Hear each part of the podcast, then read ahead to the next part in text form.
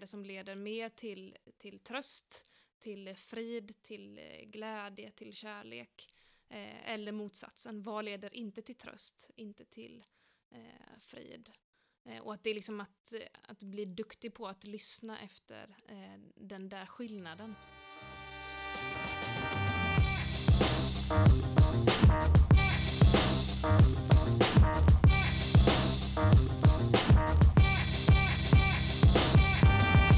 Hej och välkomna till Inför Söndag, en podd om kyrkoåret, där vi brottas med, tröstas eller provoceras av söndagens texter. För dig som ska predika eller för dig som ska lyssna. Jag heter Tobias Hardin, jag är präst i Matteuskyrkan i Göteborg och jobbar också på Hjälmareds bibelskola som lärare i Nya Testamentet. Idag sitter jag med Caroline Sedon.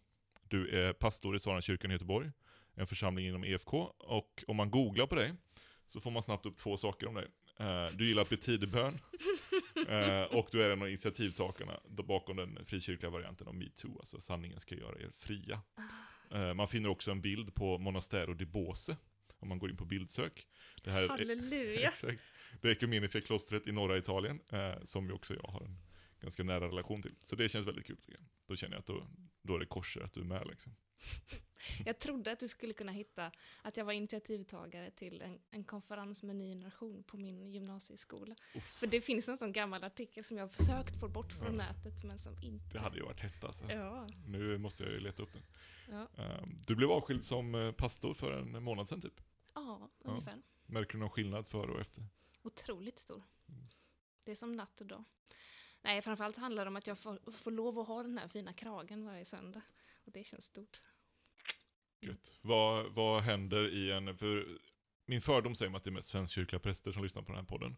Jag har ingen aning. Om, om det inte är så, så får ni gärna rätta mig på, på Facebook. Men ehm, eh, eh vad händer i EFK? Alltså inte så andligt vad som händer, för det kan väl inte vi veta. Men vad, vad är en avskiljning där? Liksom? Hur blir man pastor? Liksom? Ja, man kan ju bli pastor på många olika sätt. Men de har, som de önskar från samfundets håll, vissa kriterier på vem som får bli pastor. Och själva liksom ceremonin eller högtiden kring själva avskiljningen är att det i en gudstjänst ställs vissa frågor till mig då. Som jag får eh, lova att till exempel ja, kring tystnadsplikten, kring eh, liksom, någon form av trohet till samfundet och eh, till kallelsen att vara pastor. Som präst så lovar man att lo- låta lära och liv vara ett. Mm. Det, det, sånt, sånt håller vi det är, ett lätt, det är ett lätt löfte tycker jag. uh, och att förkunna evangeliet rent och klart. Mm. vi befinner oss i uh, 18 söndagen efter trefaldighet. Vad är temat, kommer du ihåg?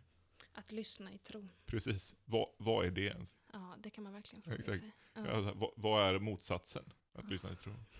Att lyssna i tvivel? Ja, men kanske. Och när jag tänkte på det så kom jag på en sak. För att ett gäng år sedan så gick några vänner till mig eh, en filmutbildning. Eh, och det var vänner som jag ofta såg på filmer. Eh, och sen när man började se på film med dem efteråt så, så liksom satt de och analyserade sönder allting. Alltså kolla, istället för så här, njuta av filmen och bli rädd i skräckfilmerna. När det blir så här, jaha, där gjorde de en sån kamerasvepning. Och här, var, här tänker han nog så här. Och här är han inspirerad av uh, Tchaikovsky eller någon då. Jag vet inte, Tchaikovsky är väl musiker i och för sig. Ja. Ja. Um, ja. Och så bara ser de liksom inte filmen för allt hantverk. Mm. Men ibland är jag lite sån när jag går och lyssnar på en predikan. Känner jag själv att jag sitter där och så här, och det här är en hemsk sida hos mig då, men då börjar jag analysera predikantens predikan liksom, med en gång. Jaha, ja, de pratar med det här känslotonläget, så här, spelar, spelar han eller hon på några känslor? Ja, men håller hon sig nära, är det, här, är det här en textutläggning eller är det en, liksom en mer fri, jag vill egentligen säga det här men råkar befinna mig den här tiden i kyrkåret så att jag måste få ihop det. Um, är det här en, en eh, klassisk lutheran med trestegspredikan liksom? Eller ja, vad, vad, är det jag sitter och lyssnar till? Uh, och jag har såklart mina åsikter om vad som är en bra predikan då. Uh, och jag hör inte predikan på grund av allt hantverk och allt analyserande liksom. Um, och speciellt märker jag att om jag har fördomar mot ett sammanhang eller en predikant, uh, vilket jag såklart nästan aldrig har, um, så sitter jag och lyssnar i tvivel med en gång. Okej, okay, vad ska jag hitta och klaga på här? Vilket ju är fruktansvärt. Alltså, det är ju inte att lyssna i tilltron till att, att i predikan så, så talar Gud. Mm. Liksom. Um, jag vet inte om det är där motsättningen, eller om det är där man kan förstå vad att lyssna i tro är istället. Att liksom ha en förväntan på att det här kan nog bli bra, det kan nog bli ett tilltal här. Liksom. Istället för det här kommer jag inte gilla. Liksom. Jag tänkte nog mer på själva, inte så mycket i tro, utan själva lyssnandet. Alltså vad innebär det egentligen? Och att um, ja, men ofta så kanske vi mer kommer med våra författade meningar än att vi kommer och lyssnar. Alltså till själva ordet, att liksom när jag sätter mig och läser så läser jag och så ska jag försöka analysera och skapa mig en uppfattning. Men vad är det att liksom närma sig ordet genom en lyssnande hållning och, och också liksom till Gud generellt. Mm. Att inte jag kommer med allt mitt först, utan nej den rörelsen finns ju egentligen från början. Det är Gud som talar först och sen så är det vår uppgift att lyssna. Mm. Vi ska läsa texterna. Yes. Eh, jag har ju inte en sandbok här hemma då, utan jag använder ju den här smarta kyrkoårsappen som finns. Kyrkoåret-appen heter den. Eh, och är det så att ni som lyssnar inte har den appen, så har jag några koder att ge bort så att ni kan få den gratis, annars kostar den lite pengar bara. Pengarna går i och för sig till väldigt bra saker. Den finns både för Android och iPhone, så ladda gärna ner den. Men den finns där. Då ser man söndagens eh, texter, man behöver inte komma ihåg vilken söndag det är, utan det ser ju den här computern åt dig. Eh, och så ser du också om du glömmer av vilken liturgisk färg det är, du får lite exempel på salmer och annat. Svinbra. Har du den eller? Jag har den, men jag har ju den eh, lite förenklade varianten. Från femte Mosebok, eh, kapitel 30, vers 11. Denna lag som jag idag ger dig är inte ofattbar eller ouppnåelig för dig. Den finns inte uppe i himlen så att du måste fråga vem kan fara upp till himlen och hämta den åt oss så att vi får höra den och kan följa den. Den finns inte bortom havet så att du måste fråga vem kan fara över havet och hämta den åt oss så att vi får höra den och kan följa den. Nej, dess ord är mycket nära dig, i din mun och i ditt hjärta och därför kan du följa den. Se, jag ställer dig idag inför liv och lycka eller död och olycka. Om du lyssnar till Herren din Guds bud som jag idag ger dig. Om du älskar Herren din Gud, vandrar hans vägar och följer hans bud, stadgar och föreskrifter. Då ska du få leva och bli talrik. Och Herren din Gud ska välsigna dig i det land som du kommer till och tar i besittning. Jag läser från Jakobsbrevet. Om ni uppfyller lagens kungsbud, det som enligt skriften lyder du ska älska din nästa som dig själv, då gör ni rätt. Men om ni gör skillnad på människor så begår ni synd och lagen stämplar er som överträdare. Den som håller hela lagen men överträder ett enda bud har ju brutit mot dem alla. Ty han som har sagt du ska inte begå äktenskapsbrott har också sagt du ska inte dräpa. Och om du inte bryter äktenskap men dräper så är du en lagöverträdare. Tala och handla så som den som ska dömas efter frihetens lag. Domen blir obarmhärtig över den som inte har varit barmhärtig. Men barmhärtigheten triumferar över domen. Från Markus 10. När han skulle fortsätta sin vandring sprang en man fram och föll på knä för honom och frågade Gode mästare, vad ska jag göra för att vinna evigt liv? Jesus svarade Varför kallar du mig god? Ingen är god utom Gud. Du kan budorden. Du ska inte dräpa. Du ska inte begå äktenskapsbrott. Du ska inte stjäla. Du ska inte vittna falskt. Du ska inte ta ifrån någon det som är hans. Visa aktning för din far och din mor. Mästare, sa mannen.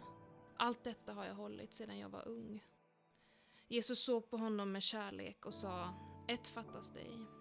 Gå och sälj allt du har och ge åt de fattiga. Då får du en skatt i himlen. Kom sedan och följ mig. Vid de orden mörknade mannen och gick bedrövad sin väg, för han ägde mycket. Jesus såg sig om och sa till sina lärjungar, hur svårt blir det inte för dem som har pengar att komma in i Guds rike? Lärjungarna blev bestörta över hans ord, men Jesus sa igen, mina barn, hur svårt är det inte att komma in i Guds rike? Det är lättare för en kamel att komma igenom ett nålsöga än för en rik att komma in i Guds rike. De blev ännu mer förskräckta och sa till varandra, vem kan då bli räddad? Jesus såg på dem och sa, för människor är det omöjligt, men inte för Gud. Ty för Gud är allting möjligt. Jag tänkte på den gammaltestamentliga texten utifrån det här med att, att lagen eller Gud skulle vara någonstans långt borta. Eh, och att det kanske är någonting som eh, vi ibland också kan brottas med idag. Att liksom livet är någon annanstans. Eller det som jag längtar efter eller det som jag vill åt är Mm. någonting som är hela tiden någon annanstans än det som jag är i just nu. Efter gymnasiet ska jag göra det här. Då får jag egentligen, när jag väl har gift mig, då får jag sex. När jag väl bla bla bla. Exakt. Ja.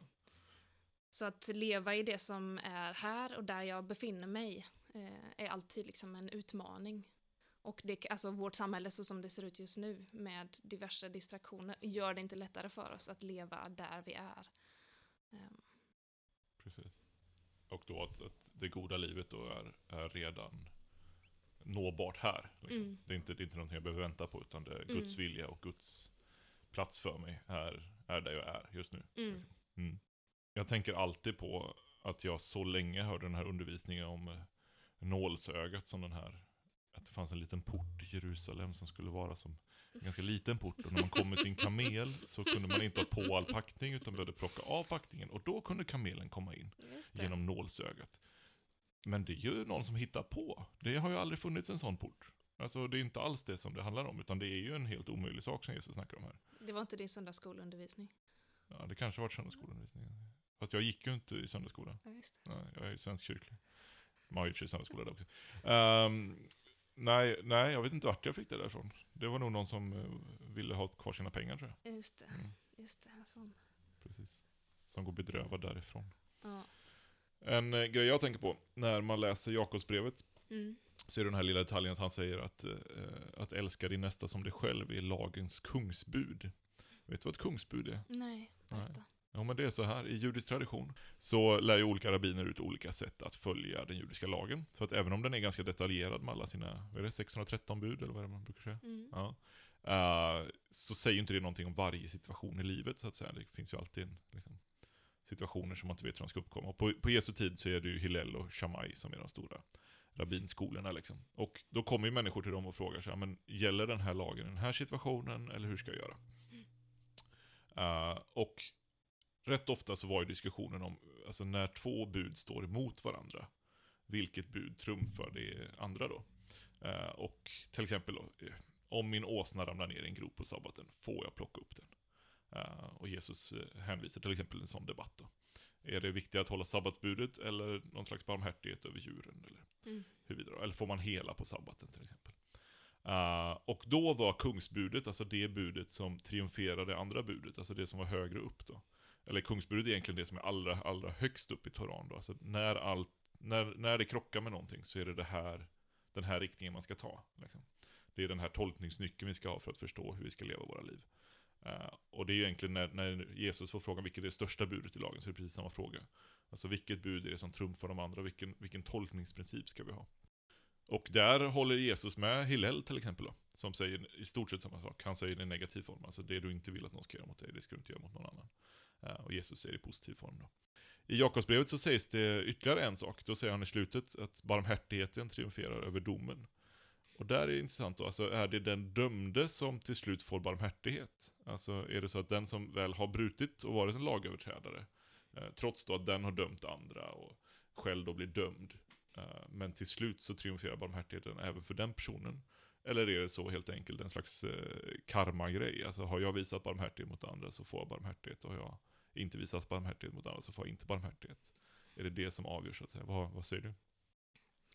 Eh, domen, den, den når väl ändå oss alla. Eh, så på så sätt så, vi, vi undgår ju inte det. Eh, så att på ett sätt kan jag tänka, ja, det är väl domen som kommer först och sen så visas det ändå barmhärtighet mot oss trots att vi är eh, dömda. Tro att domen helt försvinner, eller liksom att ha den formen av uppfattning att, eh, ja men, eh, det är det som blir kristendomens eh, kärna, att liksom, då är all dom borta genom Jesus Kristus. Det är kanske inte det det handlar om, utan domen finns där, men eh, vi är inte dömda på det sättet, utan eh, vi visas ändå barmhärtighet trots att vi inte nådde upp till det som lagen sa. Mm. Samtidigt som det får, det får inte hamna i diket av att det hänger för mycket på mig. Liksom att så länge jag kan visa barmhärtighet, så länge jag kan uppbåda det, eh, då visas barmhärtighet mot mig. Eh, för jag tänker liksom, det är det som också, i alla fall i fri, frikyrkliga sammanhang, ofta blir Nej men i frikyrkliga sammanhang, att, det handlar väldigt mycket om en egen prestation. Eh, och att, ja men egentligen så, den här eh, rike mannen också säger så här, vad ska jag göra? Liksom, och, och det skulle lika väl kunna vara en frikyrklig person. Eh, vad ska jag göra för att vinna evigt liv? Att det, liksom, det hänger, vi är så inpräntade i att liksom, ja, men jag måste eh, uppbåda detta och detta i mitt liv för att eh, kunna visas den barmhärtigheten från Gud. Eh, så att, eh, så länge vi inte hamnar i det diket. Mm. Eh, så.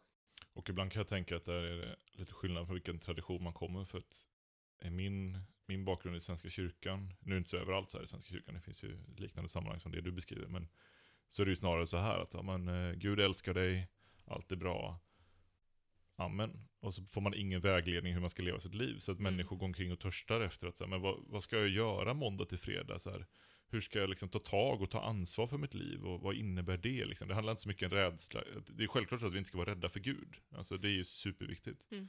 Men när vi har kommit på det redan, så att säga, då får vi också säga någonting mer. Mm, Eh, och det är där jag tänker det här kommer in. mm, Eh, att när vi väl har, har insett att vi är älskade rakt igenom, då kan vi inte heller fortsätta leva som vi gjorde förut. Liksom. mm, Eh, för det gör någonting med oss. mm. Uh, Clemens av Alexandria, vet du? Ja, visst. Ja, visst, när levde han? Ja, det var ju där någon gång. Ja, det vet inte jag heller. Eh, han skriver så här i en, en kommentar till uh, Markus-texten. Eh, om du vill bli fullkomlig. Eh, han var det alltså ännu inte. Ty ingenting är mer fullkomligt än det fullkomliga. Orden om du vill är gudomliga. Han visar att den han talar med har möjlighet till ett eget val i sin själ. Ty människan är fri att välja. Hos Gud som är Herre finns gåvan. Han ger den åt dem som vill och ber med all iver för att frälsningen ska bli deras egen. Gud tvingar inte. Våld är fientligt mot gudomen. Att välja livet. Då tänker jag på, på den här intro till Trainspotting. Choose life. Choose a job. Choose a career. Choose a family. Choose a fucking big television. Choose washing machines, cars, compact displays, and electrical tin openers. Livet består ju egentligen av en massa små val hela tiden. Eh, och det låter ju jättebra att jag säger om jag ska leva enklare eller jag ska välja livet. Så här. Men vad det innebär i varje liten, liten situation, det, det vet vi ju inte. Det är lite samma fråga som då rabbinerna stod inför. Alltså vad, hur, hur lever jag ut Guds vilja i det här och nu liksom? Uh, poängen med att vi har en fri vilja, tänker jag är här då att, att om vi inte väljer ett liv aktivt, så väljer någon annan det livet åt oss. Så på något sätt väljer vi alltid ett val. Antingen väljer jag att själv göra aktiva val i hur jag vill leva mitt liv, eller så väljer jag att låta någon annan makt eller kraft göra valen åt mig. Och idag tänker jag att det oftast blir marknadskrafterna som väljer vilken typ av liv jag ska leva, vart jag ska bo, vad jag ska plugga och så vidare. Uh, och därmed tänker jag att det, det, finns ett evangelium i det här, att vi faktiskt kan välja vilket liv vi vill, vill leva. Alltså vad är, vad är att göra ett val? Är det att vi, vi tänker annorlunda? För det finns ju någonting som jag bara liksom faller in i nu när du pratar, att vi tror att om jag bara bestämmer mig så blir det så. Att det blir liksom den här lite nyårslöftesvarianten. Mm. Att eh, ja, men jag gör ett val nu, jag ska, jag ska leva på det här sättet framöver. Eh, vad, vad är, liksom, hur, hur länge kommer det hålla då egentligen? Mm. Men det, det, goda valet är alltid kopplat till att koppla in kroppen och att, eh, att sätta dig i en vana. Det blir det goda valet. Men vad tänker du är ett gott val?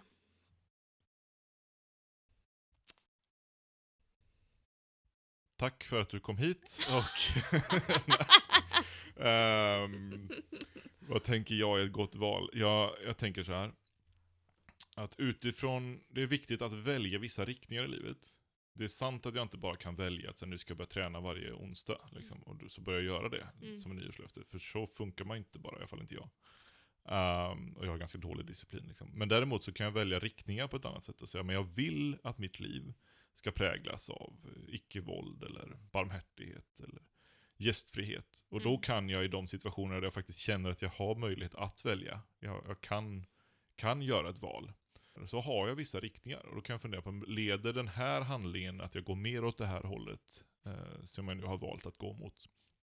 Eller mindre åt det hållet, alltså blir jag mer barmhärtig av att göra det här eller mindre barmhärtig? Och där tycker man ibland kan hitta lite mer vägledning i, i vardagens små grejer. Um, till exempel, kan jag äta kött? Liksom. Leder det till att jag blir mer barmhärtig eller mindre barmhärtig? Ja, svaret är ju självklart. Ignatius av Loyola pratar ju mycket om att, eh, att hur man tar beslut, att hela tiden då eh, kunna urskilja vad är det som leder mer till, till tröst, till frid, till eh, glädje, till kärlek, eh, eller motsatsen, vad leder inte till tröst, inte till eh, frid. Eh, och att det är liksom att, eh, att bli duktig på att lyssna efter eh, den där skillnaden. det liksom ger någon form av vägledning in i hur jag tar mina beslut. Tack för att du har lyssnat. Hör av dig med tankar och kommentarer på vår Facebook. Facebook.com inför söndag. Och gillar du det du hör så får du gärna hjälpa mig med att likea oss på Facebook, skriva en kommentar till dina vänner eller rate oss högt på den poddgrej du nu använder för att lyssna. Vill du kan du också swisha en liten eh, summa så jag kan dricka kaffe på 073 6239 668. Men eh, ett litet omnämnande i sociala medier är mer än nog. Tack så mycket. Vi ses nästa vecka.